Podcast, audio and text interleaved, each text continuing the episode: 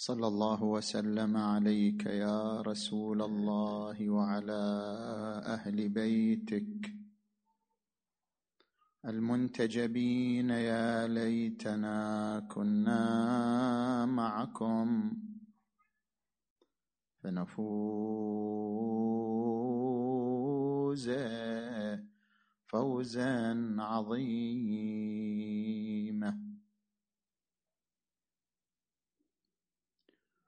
أعوذ بالله من الشيطان الغوي الرجيم. بسم الله الرحمن الرحيم.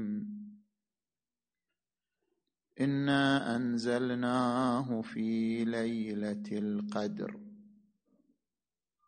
وما أدراك ما ليلة القدر؟ ليلة القدر خير من ألف شهر.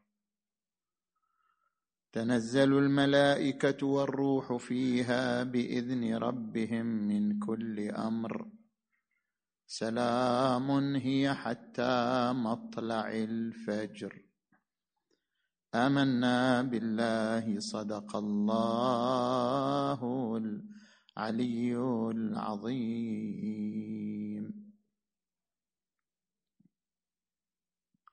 انطلاقا من الآية من السورة المباركة. نتحدث في عدة محاور. المحور الأول في الفرق بين الإنزال والتنزيل. الآية افتتحت بقوله تعالى إنا أنزلناه وفي آيات أخرى عبر بالتنزيل إنا نحن نزلنا الذكر وإنا له لحافظون. الفرق بين الإنزال والتنزيل أن إنزال القرآن عبارة عن نزوله دفعة واحدة وتنزيل القرآن عبارة عن نزوله بشكل تدريجي. القرآن له نزولان نزول دفعي ونزول تدريجي. نزل دفعة واحدة في ليلة القدر من شهر رمضان على قلب النبي محمد.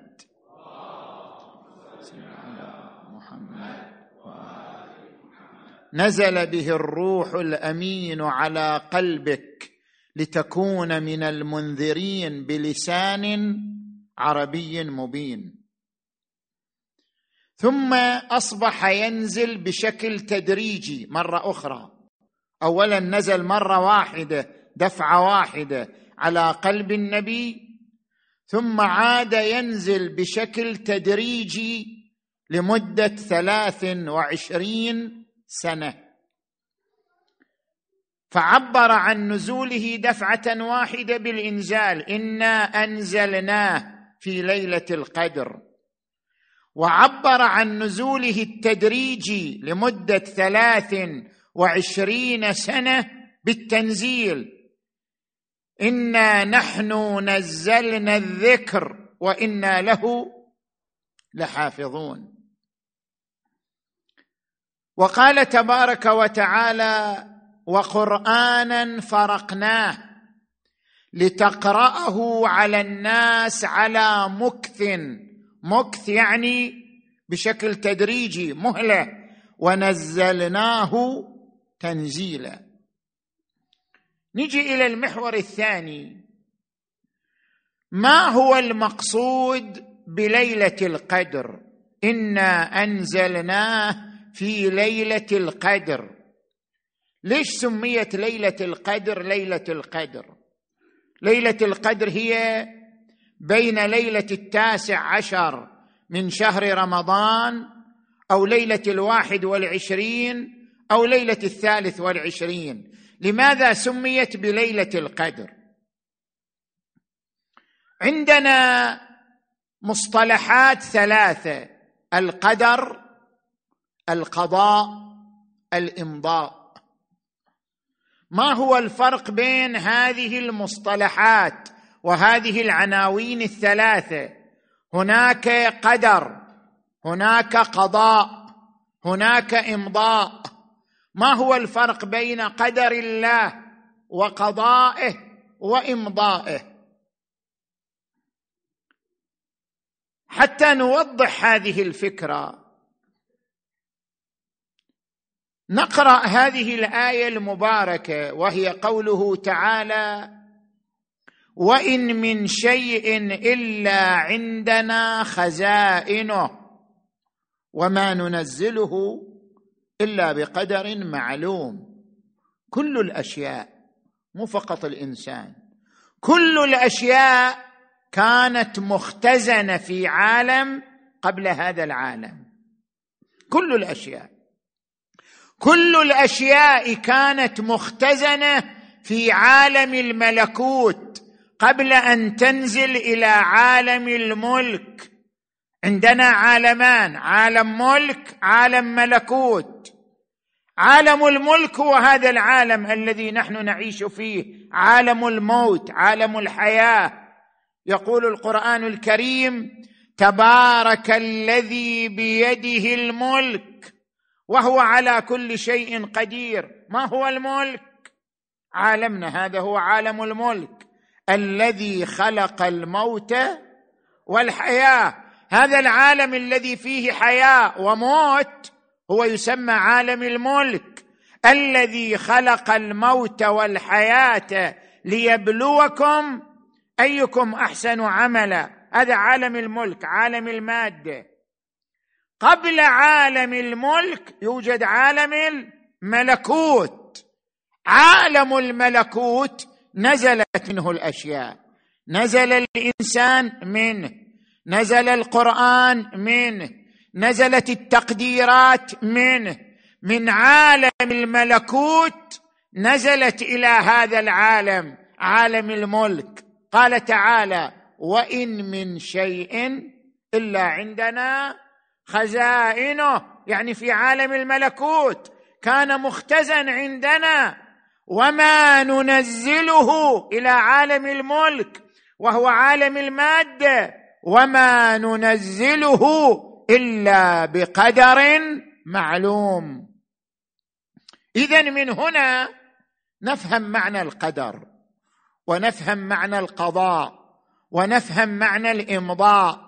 ما هو الفرق بين العناوين الثلاثة؟ القدر رسم الحدود والقضاء إعداد الأسباب والإمضاء إنفاذ الأسباب. قال أمثل لك بمثال واضح. مثلا الآن الجنين الجنين في بطن أمه زين؟ هذا الجنين أول ما ينعقد نطفة. لقد خلقنا الإنسان من سلالة من طين ثم جعلناه نطفة في قرار مكين. هذه النطفة البويضة الملقحة بالحويمن المنوي تلصق بجدار الرحم هذا القرار المكين. تلصق هذه النطفة بجدار الرحم هذا القرار المكين. هذه النطفة تمر بعدة مراحل قدر وقضاء وإمضاء. القدر رسم الحدود. يعني شنو رسم الحدود؟ يعني قبل أن تنعقد هذه النطفة رسم الله الحدود لهذا الإنسان. هذا الإنسان أبوه فلان أمه فلانة يولد في الزمن الفلاني في المكان الفلاني. هذا الإنسان يكون له مستوى من الذكاء معين تحكمه عوامل وراثية معينة. كل هذه الحدود رسمت له قبل أن تنعقد نطفته. هذه الحدود التي رسمت له تسمى مرحلة القدر مرحلة التقدير. قدرت حدوده قدرت شؤونه. هذه المرحلة الأولى. ثم جاءت المرحلة الثانية مرحلة القضاء. يعني شنو مرحلة القضاء؟ يعني إعداد أسباب وجوده. طيب كيف يوجد؟ لابد من أسباب. تتهيأ حتى يوجد هذا الإنسان. إعداد أسباب الوجود يسمى قضاء. الأب اجتمع مع الأم انعقدت النطفة النطفة بدأت تتكون هذا يسمى مرحلة القضاء يعني إعداد أسباب الوجود.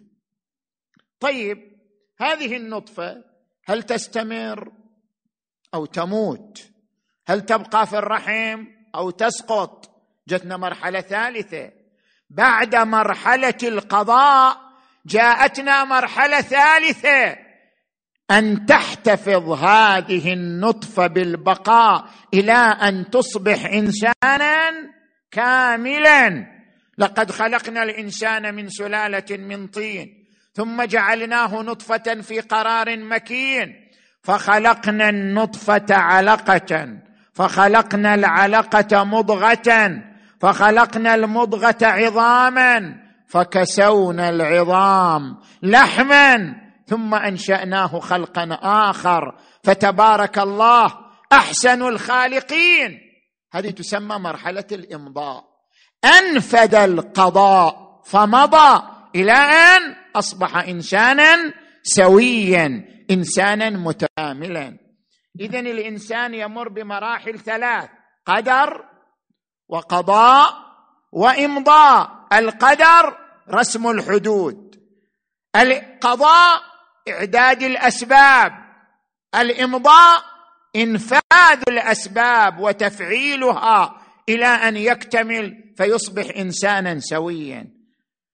ليلة القدر هي ليلة رسم الحدود. ليش سموها ليلة القدر؟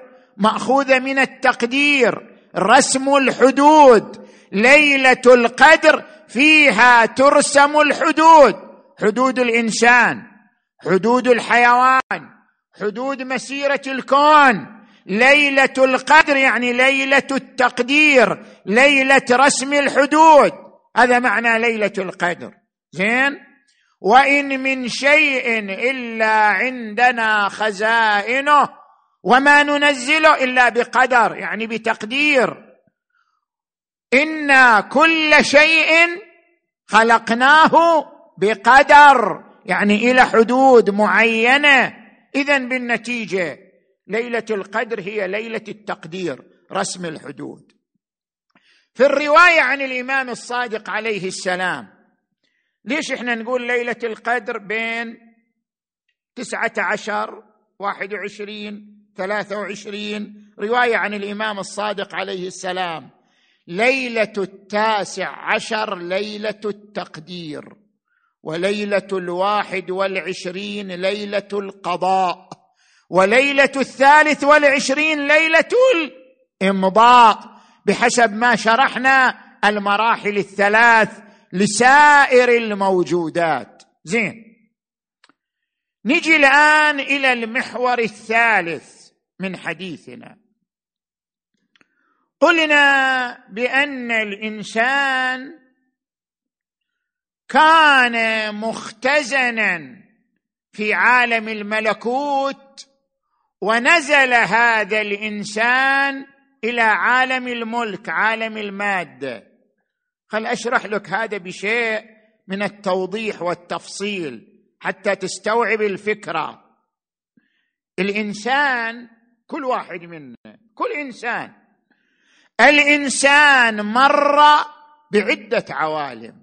تفكر انت الآن توك جاي تجي إلى العالم. لا انت سبقت كنت في عوالم أخرى. الإنسان مر بعدة عوالم. عالم الجبروت ثم عالم الملكوت ثم عالم الأرحام ثم عالم المادة ثم ينتقل إلى عالم البرزخ. ثم ينطلق إلى عالم القيامة. إنسان مر بعدة عوالم. العالم الأول الذي مررنا به هو عالم الجبروت. عالم الجبروت يعني عالم العقول. أول ما خلق الإنسان خلق عقل فقط. ما عنده لا مشاعر ولا عواطف ولا روح ولا شيء.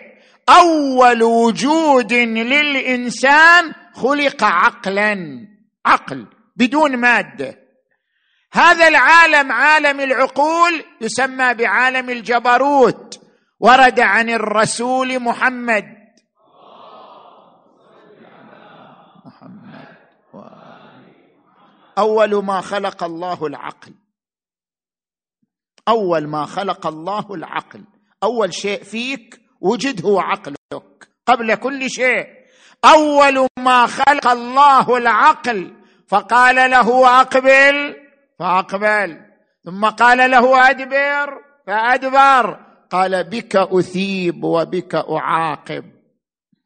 هذا يسمى عالم العقول عالم الجبروت. زين. بعدين انتقل الإنسان من عالم العقول إلى عالم الملكوت. عالم الملكوت هو عالم الأرواح. تحول من عقل إلى روح. الروح طاقة. طاقة تسبح الله وتهلله. عالم الملكوت فقط عالم تسبيح وعالم تهليل. عالم شهود لعظمة الله وجلاله وجماله. وإذا أخذ ربك من بني آدم من ظهورهم ذريتهم ثم أشهدهم على أنفسهم ألست بربكم؟ قالوا بلى. وين هذا الإشهاد صار؟ في عالم الملكوت. عندما كنا أرواح أشهدنا الله على نفسه. ألست بربكم؟ قالوا بلى. اذا عالم الملكوت عالم أرواح فقط.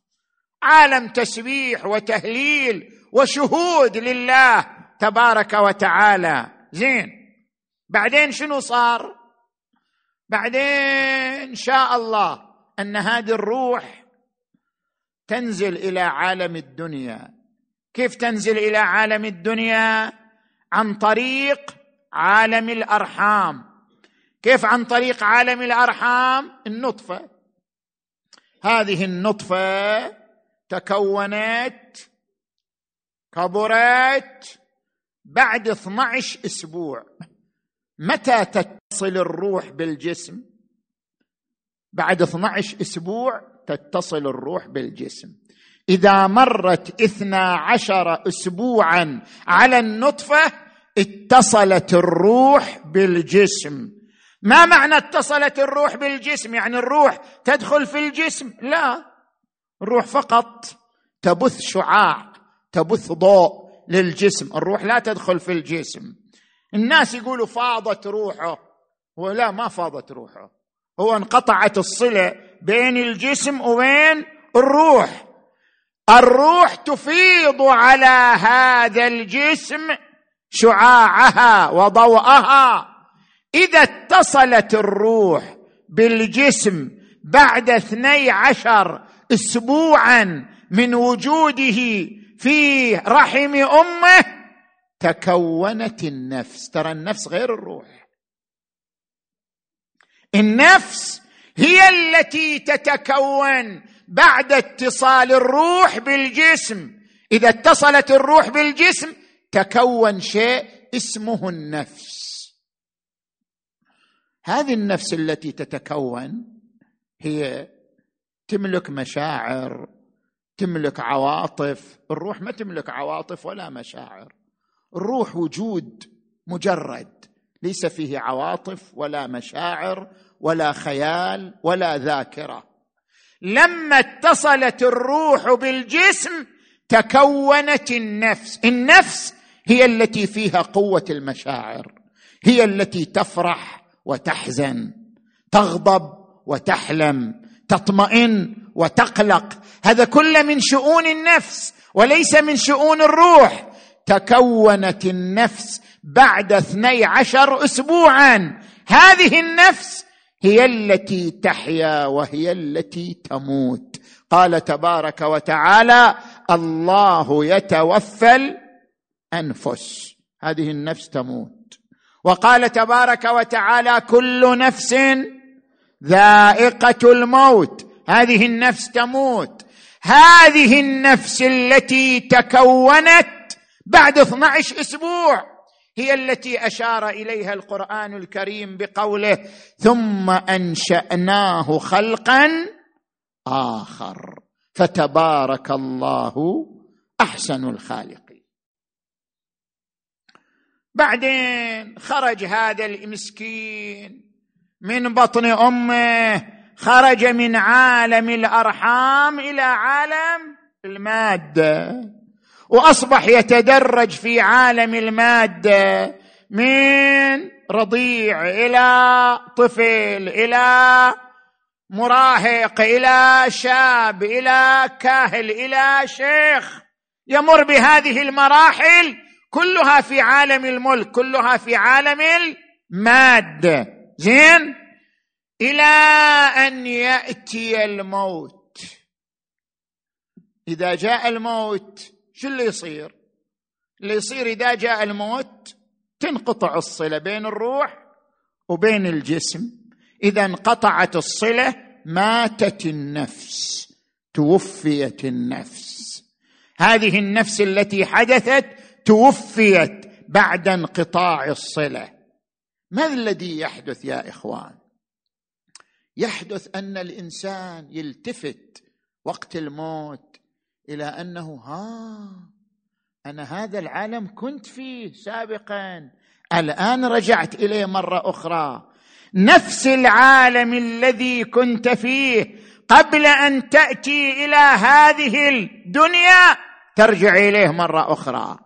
تقول نعم هذا العالم كنت فيه نسيته. غاب عن بالي. نزلت إلى الدنيا نسيت هذا العالم الذي كنت فيه قبل أن أنزل إلى عالم الدنيا. تبين؟ رجعت إلى هذا العالم. شوف اقرأوا هذه الآية المباركة. فسبحان الذي بيده ملكوت كل شيء وإليه أنتم ترجعوا إلى عالم الملكوت نفسه اللي كنتم فيه ترجعون إليه وإليه ترجعون. تعود إلى عالم الملكوت مرة أخرى. تتذكر أنك كنت في هذا العالم يوما من الأيام. أنت الآن في الدنيا. أنت في بحر لجي. أنت تسبح تسبح بسرعة بسرعة. أنت تظن أنك بطيء. لا.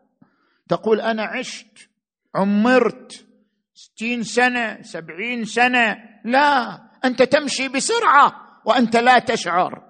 أنت تمشي في هذا البحر بسرعة هائلة وأنت لا تشعر. القرآن يعبر عنك وأنت لا تشعر. يا أيها الإنسان إنك كادح إلى ربك كدحا فملاقيه انت قاعد تكدح يعني قاعد تسبح في البحر. قاعد تمشي بسرعة هائلة. قاعد تمشي بسرعة غير متوقعة. يا أيها الإنسان إنك كادح إلى ربك كدحا فملاقيه. ستأتي يوم يقف هذا الكدح وستتفاجأ أنك أمام ربك أمام خالقك فملاقيه إذا لقيت ربك تذكرت أنك كنت في هذا العالم كنت تشهد جلال ربك وجمال ربك رجعت إليه مرة أخرى. لكن كيف رجعت إليه؟ رجعت إليه مفردا. لاحظوا الآية الثانية في القرآن الكريم قوله تبارك وتعالى ولقد جئتمونا فرادا كما خلقناكم أول مرة. إيش معنى أول مرة؟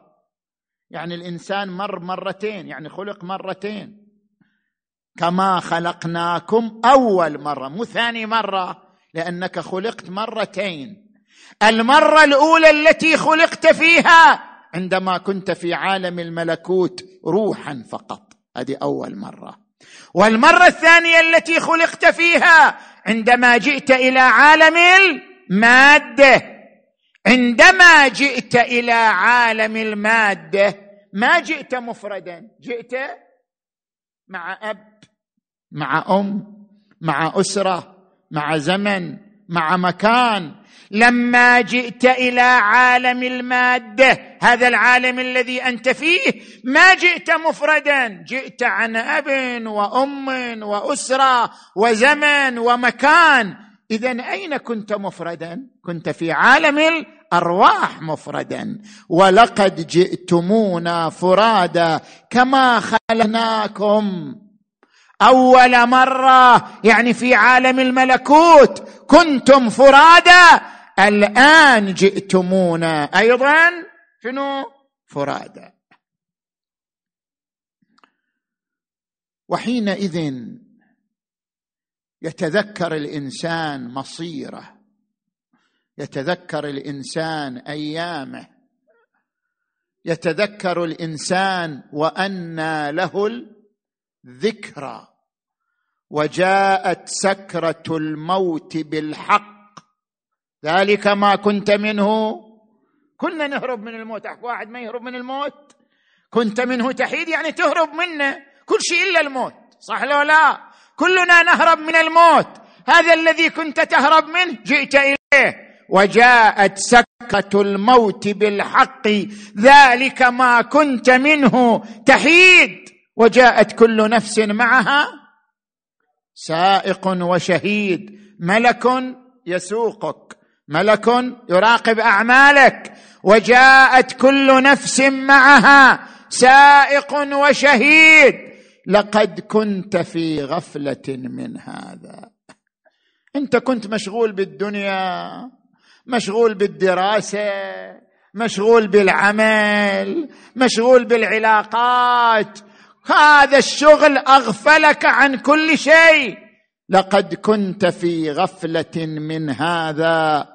فكشفنا عنك غطاءك فبصرك اليوم حديد. أبصرت ما لم تبصر.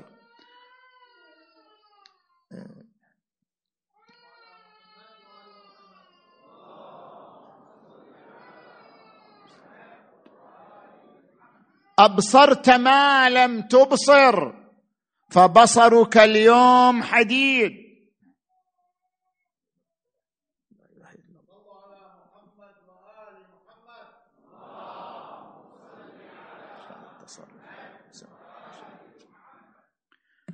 وجاءت سكرة الموت بالحق ذلك ما كنت منه تحيد. وجاءت كل نفس معها سائق وشهيد. لقد كنت في غفلة من هذا فكشفنا عنك غطاءك فبصرك اليوم حديد. أنت الآن ترى الملائكة ترى الجن ترى الأشباح ترى الأرواح ترى عالم الملكوت. الذي كنت كل هذه الأشياء لم تكن تراها وأنت في عالم الدنيا فبصرك اليوم حديد.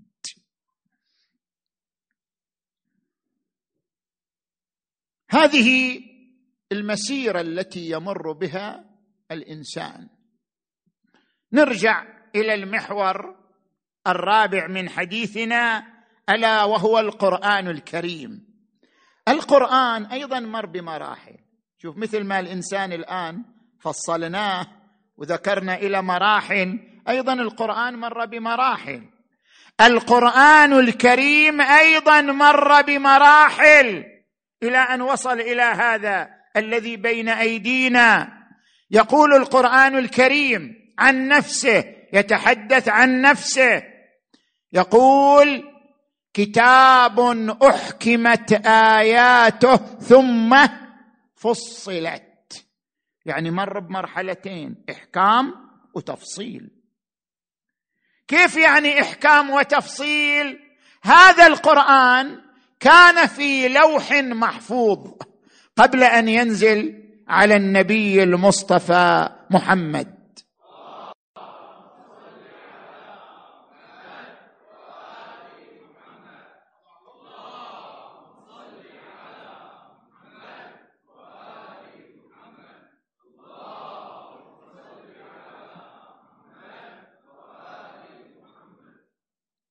إنه لقرآن كريم في كتاب مكنون.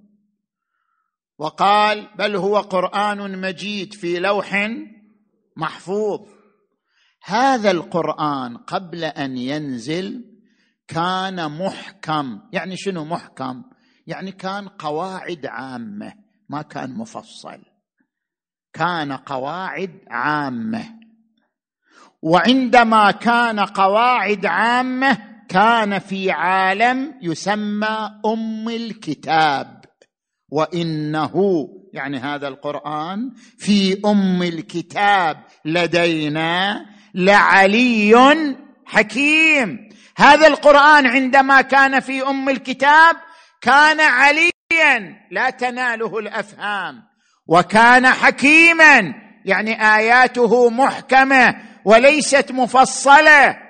لما أراد الله أن ينزل هذا القرآن على نبيه فصل آياته. شلون فصل آياته؟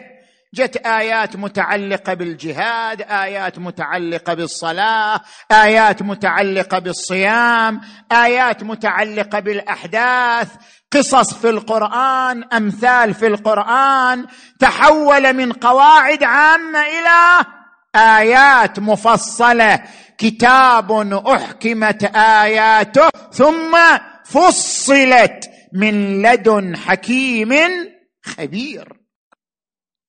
فالقرآن أيضا مر بمرحلتين مرحلة إحكام ومرحلة تفصيل. لأجل ذلك هذا القرآن له ظاهر وله باطن. قبل أن ينزل إلينا كان فقط باطن. بعد أن نزل إلى الدنيا صار حروف هو ما كان حروف. قبل أن ينزل إلى الدنيا كان مجرد معلومات. بعد أن نزل إلى الدنيا هذا القرآن صار حروف صار ألفاظ صار آيات صار سور. فاذا القرآن اكتسب صفة مادية. لم يكن ماديا كان مجرد معلومات. اكتسب صفة مادية. صار شنو؟ ألفاظ حروف آيات سور. لما اكتسب هذه الصفة المادية صار إلى ظاهر. الصفة المادية هي الظاهر. والصفة المعلوماتية هي شنو؟ الباطن. فللقرآن ظاهر وباطن. خل أشرح لك أجيب لك بالأمثلة. الظاهر والباطن. الظاهر ما نفهمه من اللفظ العربي. الله عندما أراد أن ينزل القرآن إلى نبيه صاغه بلسان عربي. قال لنبيه لا تحرك به لسانك لتعجل به. إن علينا جمعه وقرآنه. فإذا قرأناه فاتبع قرآنه ثم إن علينا بيانه. أنت صحيح المعلومات نزلت إليك لكن صياغة هذه المعلومات بلفظ عربي علينا نحن. إن علينا جمعه وقرآنه فإذا قراناه فاتبع قرآنه ثم إن علينا بيانه. زين. وتجي إلى آية أخرى تقول ولا تعجل بالقرآن من قبل أن يقضى إليك. وحيه. انتظر. نحن نصوغه. ثم ننزله عليك. زين. لذلك صار القرآن إلى ظواهر. شلون ظواهر؟ يعني ما يفهمه العرب من اللفظ العربي. العرب يسمعون قوله تعالى حرمت عليكم الميتة والدم ولحم الخنزير وما أهل لغير الله به. كل العرب يفهمون أن هذه الأمور شنو؟ حرام. كلمة حرام مفهومة باللغة العربية. العرب يسمعون قوله تعالى إذا جاء نصر الله والفتح رأيت الناس يدخلون في دين الله أفواجا. هذا كلام واضح باللغة العربية. هذا يسمى ظاهر القرآن. أما باطن القرآن ما هو؟ باطن القرآن هو المعنى الذي نتوصل إليه عبر عوامل ثلاثة. أذكرها وأنهي المجلس بها. العامل الأول أن نصل إلى باطن القرآن عبر الجمع بين آيتين. شوف لاحظوا الإمام علي هذه القصة مشهورة في عهد الخليفة الثاني. جيء بامرأة ولدت لستة أشهر. بعد ستة أشهر ولدت. قالوا هذه والعياذ بالله زنت. ما معقول تولد لستة أشهر؟ الظاهر أن عندها علاقة مع رجل آخر قبل أن تتزوج. شلون ولدت بعد ستة أشهر من زواجها اتهموها بالزنا. أقبل الإمام علي عليه السلام قالوا له هذه المرأة زنت. ليش زنت؟ لأنها ولدت بعد زواجها بستة أشهر. كيف تلد بعد ستة أشهر؟ قال لهم أقل الحمل ستة أشهر. قالوا من أين عرفت بذلك؟ قال من الجمع بين آيتين. آية تقول وحمله وفصاله ثلاثون شهرا. حمل وفصال الفصال هو الرضاع. وحمله وفصاله ثلاثون شهرا. وقال في آية أخرى والوالدات يرضعن أولادهن حولين كاملين يعني سنتين. إذا أسقطنا السنتين من ثلاثين شهر تبقى شنو؟ ستة أشهر. اذا ستة أشهر مدة الحمل. هذا اكتساب معنى من الجمع بين آيتين. هذا بطن من بطون القرآن. الطريق الأول لمعرفة بطون القرآن هو الجمع بين آياته. زين؟ هذا الطريق الأول. الطريق الثاني لمعرفة باطن القرآن ذكر مصداقه. شلون ذكر مصداقه؟ يعني إحنا تجينا ألفاظ في القرآن ما نعرف مصداقها ما هو. نعرف المعنى بس ما نعرف المصداق. خل أضرب لك مثال. عندما يقول تبارك وتعالى الرحمن على العرش استوى. كلمة العرش نفهمها.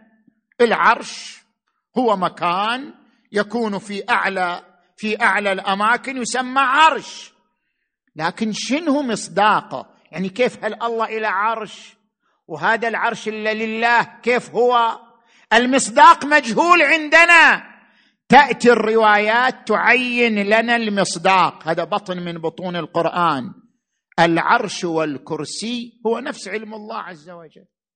علم الله يعبر عنه تاره بالعرش تاره يعبر عنه شنو؟ بالكرسي. علم الله بالوجود. بأسره يسمى العرش وعلم الله بعالم المادة وحده يسمى بالكرسي. لذلك قال الرحمن على العرش استوى. شلون يعني الرحمن على العرش استوى؟ شوف كل دولة إليها مركز استخبارات. في دولة تعيش بدون مركز استخبارات؟ مستحيل. زين؟ كل دولة إليها مركز معلومات. كل شركة أيضا لها مركز معلومات. هذا الكون أيضا له مركز معلومات. المركز مركز المعلومات لهذا الكون يسمى العرش. الرحمن على العرش استوى يعني سيطر على مركز المعلومات. زين؟ وأما الكرسي فهو المعلومات المتعلقة بعالمنا إحنا عالم المادة. لذلك قال تعالى وسع كرسيه السماوات والأرض. فهذا من الباطن أن نفهم المصداق من الباطن.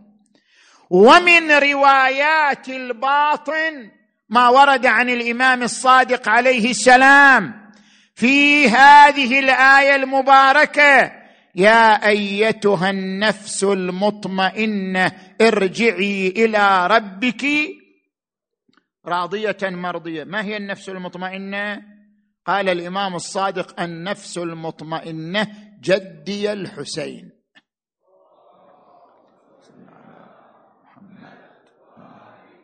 هذا بيان مصداق من مصاديق الآية. المصداق الاجلى المصداق الأوضح. هذا أيضا من باطن القرآن. الطريق الثالث لمعرفة باطن القرآن هو معرفة اللازم.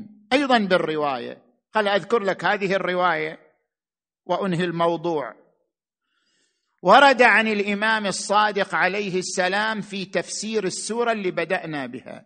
ما هي السورة التي بدأنا بها؟ سورة القدر. إنا أنزلناه في ليلة القدر.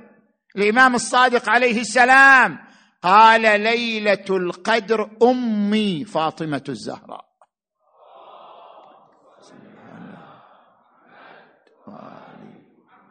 انسان شلون يربط؟ يعني شنو علاقة ليلة القدر بفاطمة الزهراء؟ ليلة القدر هو زمن فاطمة الزهراء. إنسان كيف نربط بين هذا وهذا؟ هذا من بطون القرآن. هذا من مواطن بطون القرآن. ليلة القدر أمي فاطمة الزهراء. شلون يعني ليلة القدر أمك فاطمة الزهراء؟ الان الان أشرح لك.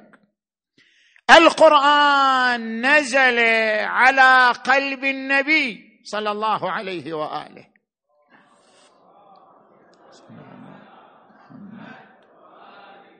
نزل به الروح الأمين على قلبك لتكون من المنذرين بلسان عربي مبين. التنزيل نازل على قلب النبي والتأويل وين نزل؟ القرآن كلفظ نزل على النبي. تأويله وين نزل؟ تأويل القرآن. تأويل القرآن كما في الروايات المعتبرة نزل ملك يحدث فاطمة. على محمد. ولذلك أنت من ألقاب الزهراء تقول شنو؟ سلام عليك أيتها المحدثة العليمة. حدثت. حدثت بماذا؟ بتأويل القرآن. نزل التأويل به ملك على فاطمة فأخبرت عليا عليه السلام. فكان يكتب ما يمليه الملك على فاطمة فجمع في كتاب. سمي هذا الكتاب تأويل القرآن وسمي هذا الكتاب مصحف فاطمة ولا هو مو مصحف هو تأويل.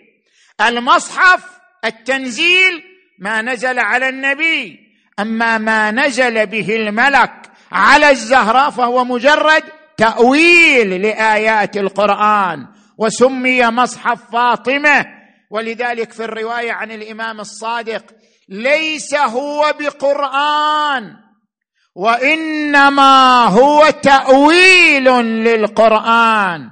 الإمام الصادق ينفي أنه قرآن. يقول هذا تأويل للقرآن. فأصبحت محدثة وأصبحت وعاء لتأويل القرآن. حيث أصبحت وعاء لتأويل القرآن أصبحت هي ليلة القدر. كما أن القرآن نزل بلفظه ليلة القدر نزل بتأويله في فاطمة المحدثة العليمة صلوات الله وسلامه عليها.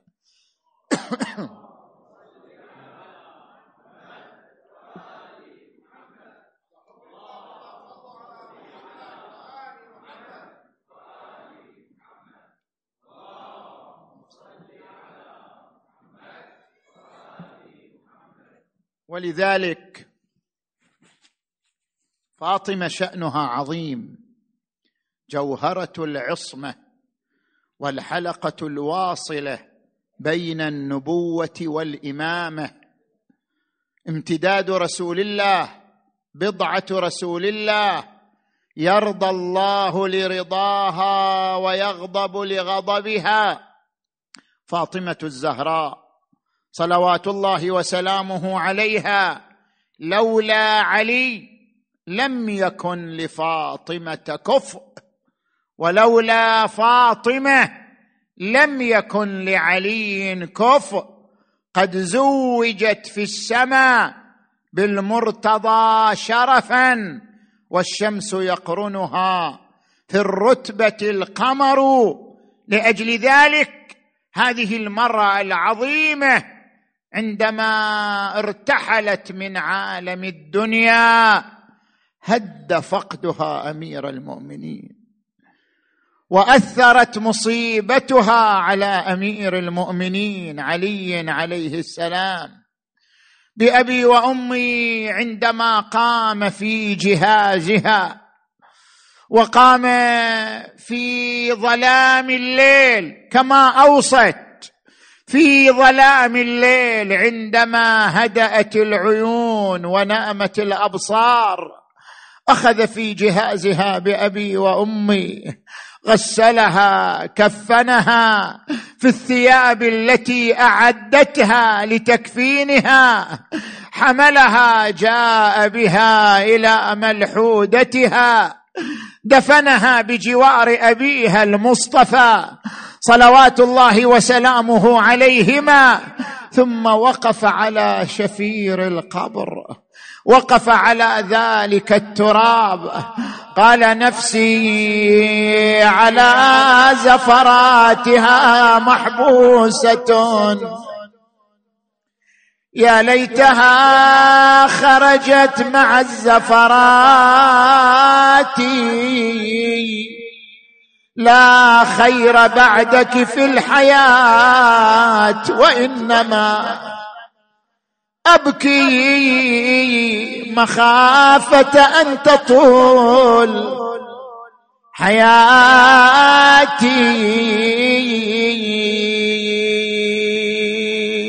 يا فاطمة مالي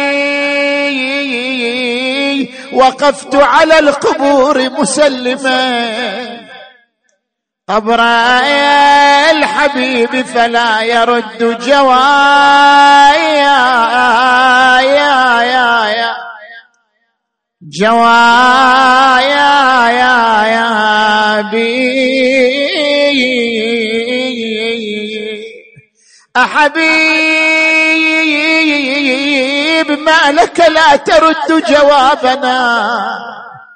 أنسيت بعدي خلة الأحبايا. الأحبايا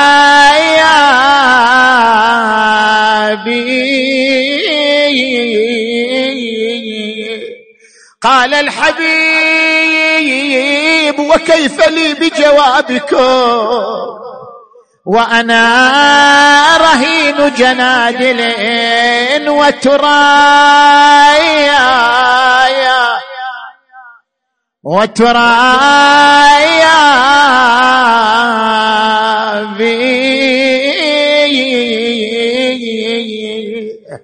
ثم اتجه إلى قبر رسول الله نادى السلام عليك يا رسول الله.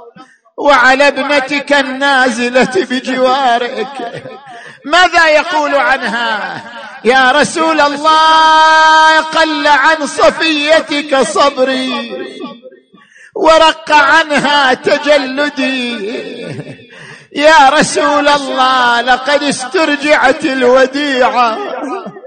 شلون أرجعت الزهراء بأي حالة أرجعت الزهراء لقد استرجعت الوديعة وأديت الأمانة واختلست الزهراء فما أقبح الخضراء والغبراء فأحفها السؤال واستخبرها الحال فكم من غليل معتلج بصدرها لم تجد إلى بثه سبيلا. وستنبئك ابنتك بتضافر أمتك على هضمها. مهضومة مظلومة مكسورة الضلعين ملطومة الخدين. يا سيد الكون الوصية ما رعوها. جاروا على ذيك البتوله وروعوها. هجموا عليها الدار وبالباب عصروها. وانكسرت الأضلاع منها وصار ما صار. وعظا يا يا يا يا علي يوم بالحجرة لفتني. نادت نهب مني فدك وسودمتني ذوبت قلبي ومن بكاها فتتتني. لولا الوصية والقضاء صارت لها أخبار. ولأي الأمور تدفن ليلا بضعة المصطفى. ويعفى ثراها بنت من أم من خليلة من حليلة من ويل لمن؟ يا الله. اللهم بالزهراء وأبيها وبعلها وبنيها والسر المستودع فيها. اللهم اجعل خير أعمالنا خواتمها وخير أيامنا يوم نلقاك. اللهم اغفر ذنوبنا واستر عيوبنا. اللهم وفقنا لمراضيك جنبنا معاصيك. اللهم اشف مرضانا ومرضى المؤمنين والمؤمنات خصوصا المرضى المنظورين. واقض حوائجنا وحوائجهم. الدعاء لصاحب الأمر في آخر ليلة. بسم الله الرحمن الرحيم. اللهم صل على محمد وآل محمد. اللهم كن لوليك الحجة ابن الحسن. صلواتك عليه وعلى آبائه في هذه وفي كل ساعة وليا وحافظا وقائدا وناصرا ودليلا وعينا حتى تسكنه أرضك طوعا وتمتعه فيها طويلا. برحمتك يا أرحم الراحمين وإلى أرواح أمواتكم وأموات المؤمنين والمؤمنات الفاتحة تسبقها الصلوات.